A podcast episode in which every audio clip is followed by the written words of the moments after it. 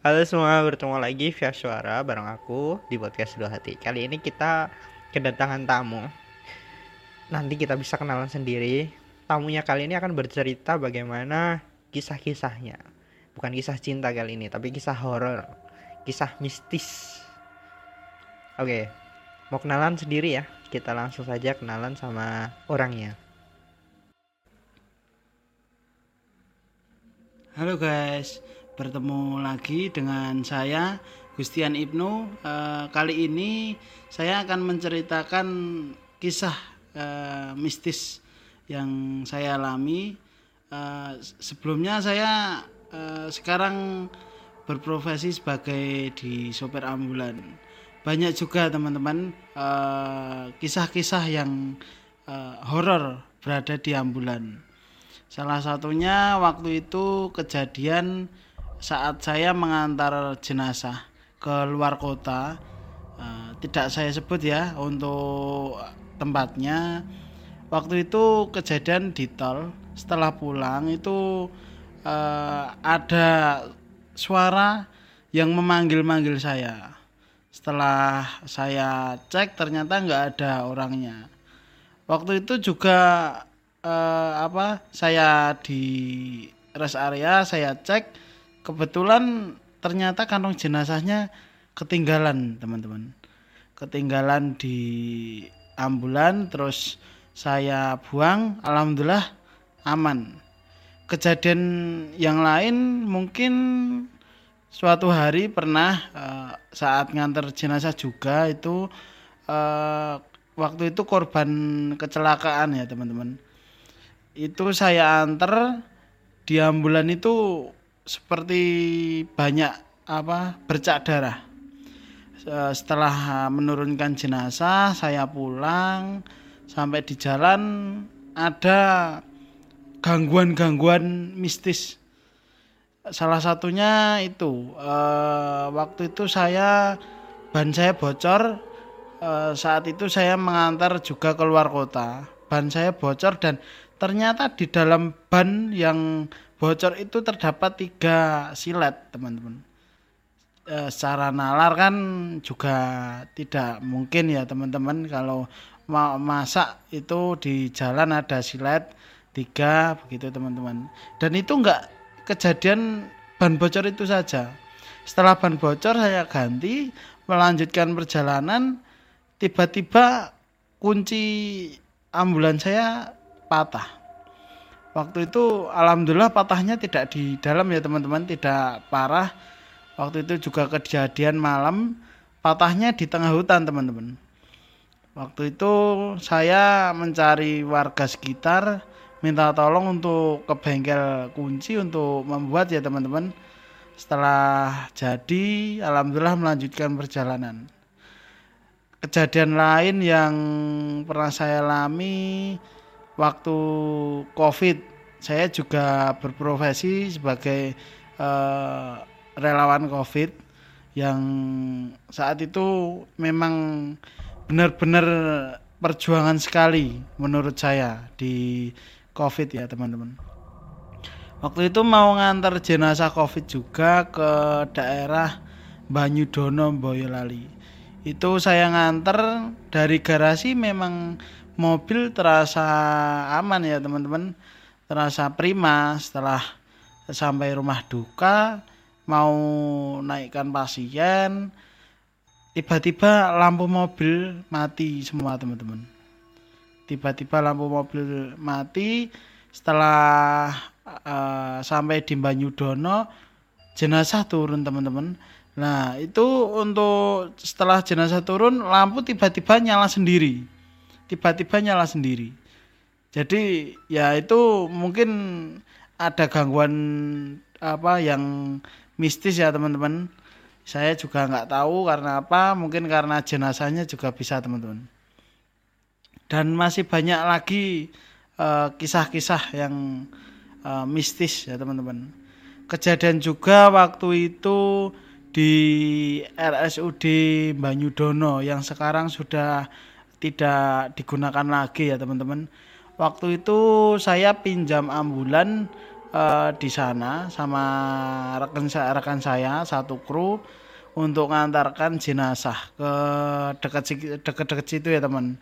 Uh, setelah sampai di rumah duka jenazah mau uh, apa jenazah udah turun terus ambulans saya mau bersihkan setelah setelah bersih saya tinggal teman-teman karena kan ambulans juga nggak kepake. Saya tinggal di tempat uh, teman teman saya yang satu kru. Tiba-tiba ambulans itu pindah sendiri teman-teman. Pindah sendiri ke bekas RSUD Banyudono itu teman-teman. Nah itu kisah-kisah mistis uh, yang pernah saya alami.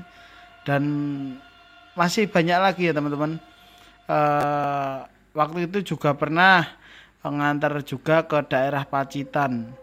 Malam-malam jam satu jam satu malam ya itu waktu itu teman. E, mobil saya tiba-tiba mogok teman-teman. Di daerah Pacitan di tengah hutan. Itu waktu itu saya bawa jenazah tanpa peti ya teman-teman. Jadi waktu itu saya nganter dari rumah sakit ke rumah duka itu itu tiba-tiba mobil saya mogok di tengah hutan. Dan posisi saya itu sendiri. Tinggal cuman ada jenazahnya itu tok. Waktu itu mobil saya uh, mogok terus saya benahi sendiri, sendiri. Kan itu waktu itu radiatornya panas ya teman-teman. Terus saya dinginkan. Setelah beberapa jam saya nyalain alhamdulillah uh, bisa hidup teman setelah hidup saya apa saya melanjutkan perjalanan. Dan itu eh, yang saya rasakan itu waktu itu jalan itu terasa sepi ya teman-teman. Padahal itu saya sudah melewati beberapa kota yang ada di Pacitan. Tapi eh, saya rasa itu apa sepi. Terus perjalanan saya itu terasa lambat banget Padahal saya berangkat dari sini itu jam 5 teman-teman. Uh, di map itu pernah ano, sebelum saya berangkat saya ngecek itu perkiraan perjalanan sekitar tiga jam. Uh, saya berangkat dari rumah sakit itu sekitar jam 5 sore, tapi kok anehnya sampai sana jam 10 malam ya teman-teman. Padahal saya waktu itu nggak berhenti berhenti ya teman setelah itu kemungkinan uh, kemungkinan besar itu dari jenazahnya itu teman.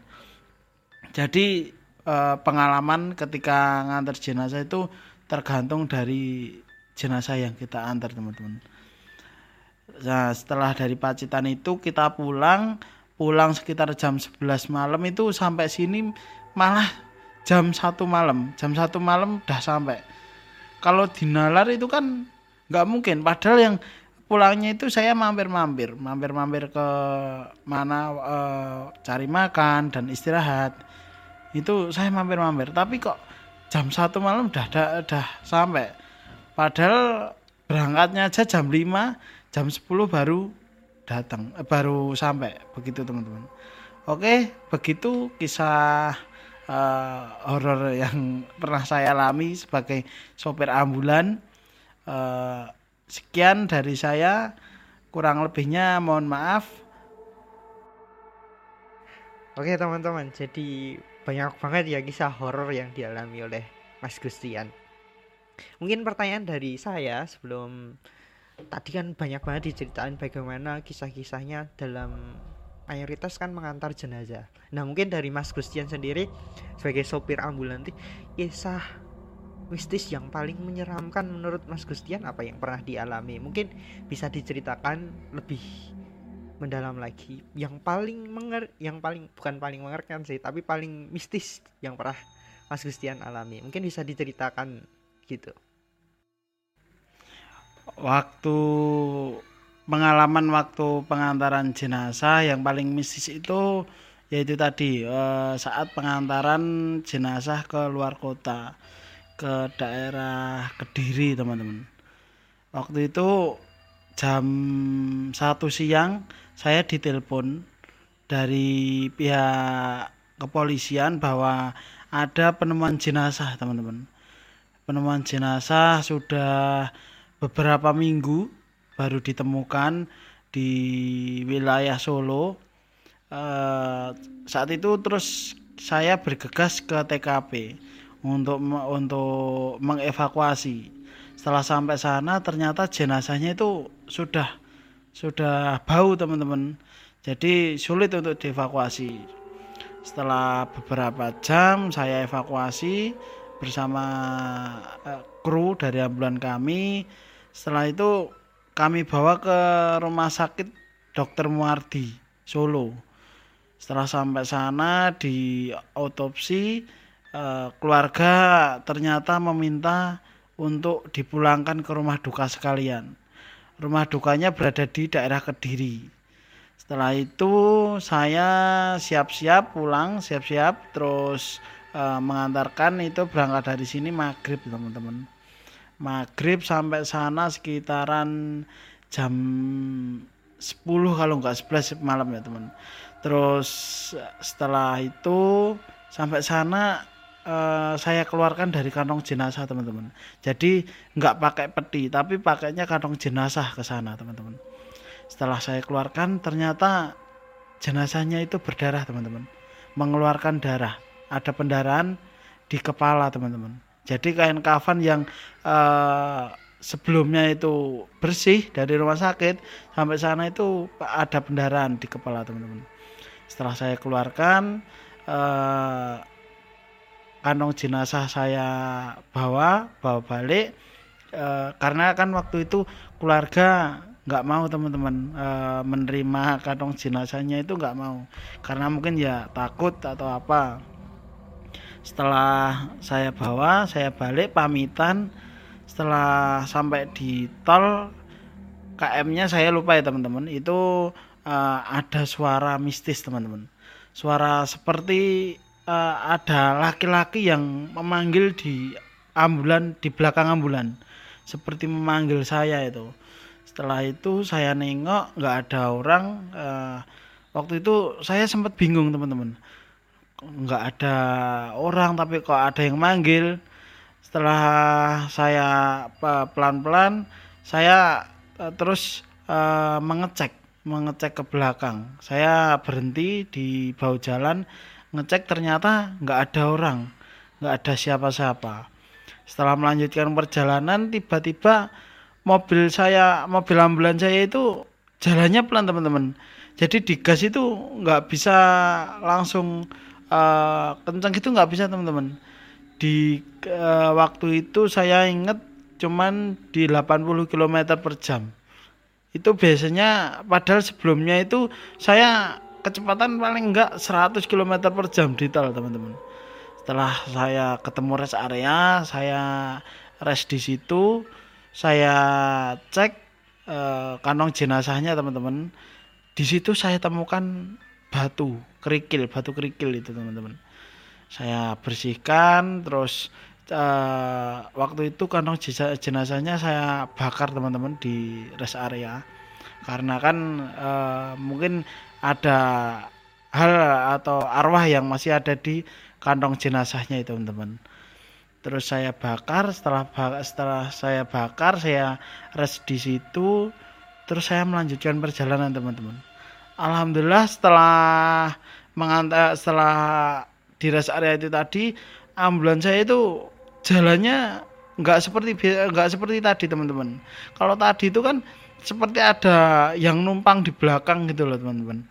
Tapi setelah saya bakar eh, kantong jenazahnya ternyata jalannya itu lancar bisa 100 km per jam teman-teman.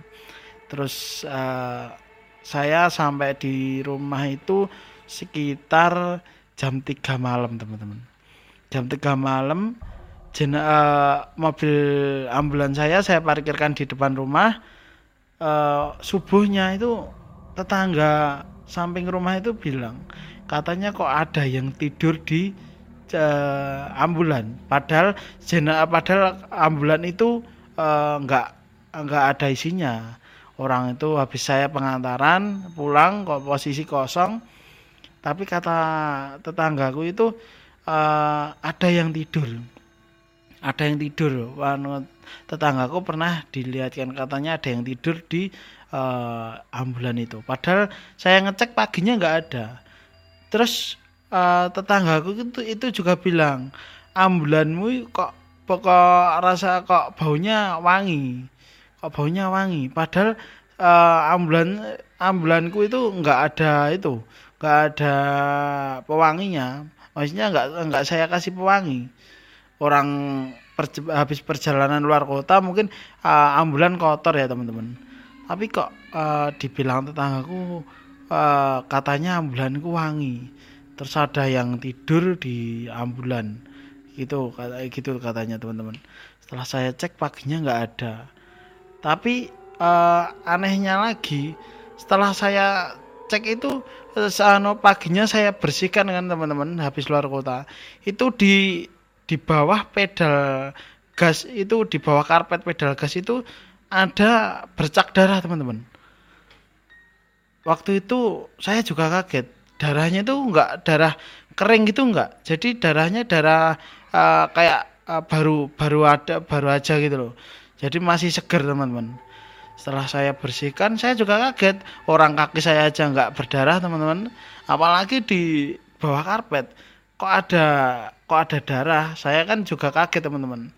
Setelah saya bersihkan waktu itu eh, saya bersihkan eh, pakai disinfektan ya teman-teman. Karena kan juga darah waktu eh, mungkin ada apa ada apa-apanya takutnya ada apa, penyakit yang menular. Setelah saya bersihkan alhamdulillah eh, apa ambulan eh, normal lagi teman-teman. Ya, mungkin itu cerita saya teman-teman yang paling mistis menurut saya eh, begitu teman-teman Baik, serem banget kan cerita dari kisah seorang supir ambulan. Mungkin bagi teman-teman yang mempunyai kisah-kisah horor bisa dikirimkan ke email kita at duahatipodcast@gmail.com atau melalui Instagram kita duahati underscore underscore podcast. Nanti kita bisa bacakan cerita mistis teman-teman atau cerita horor ataupun cerita asmara teman-teman. Mungkin sekian dulu terima kasih Mas Gustian yang sudah berbagi cerita di podcast ini.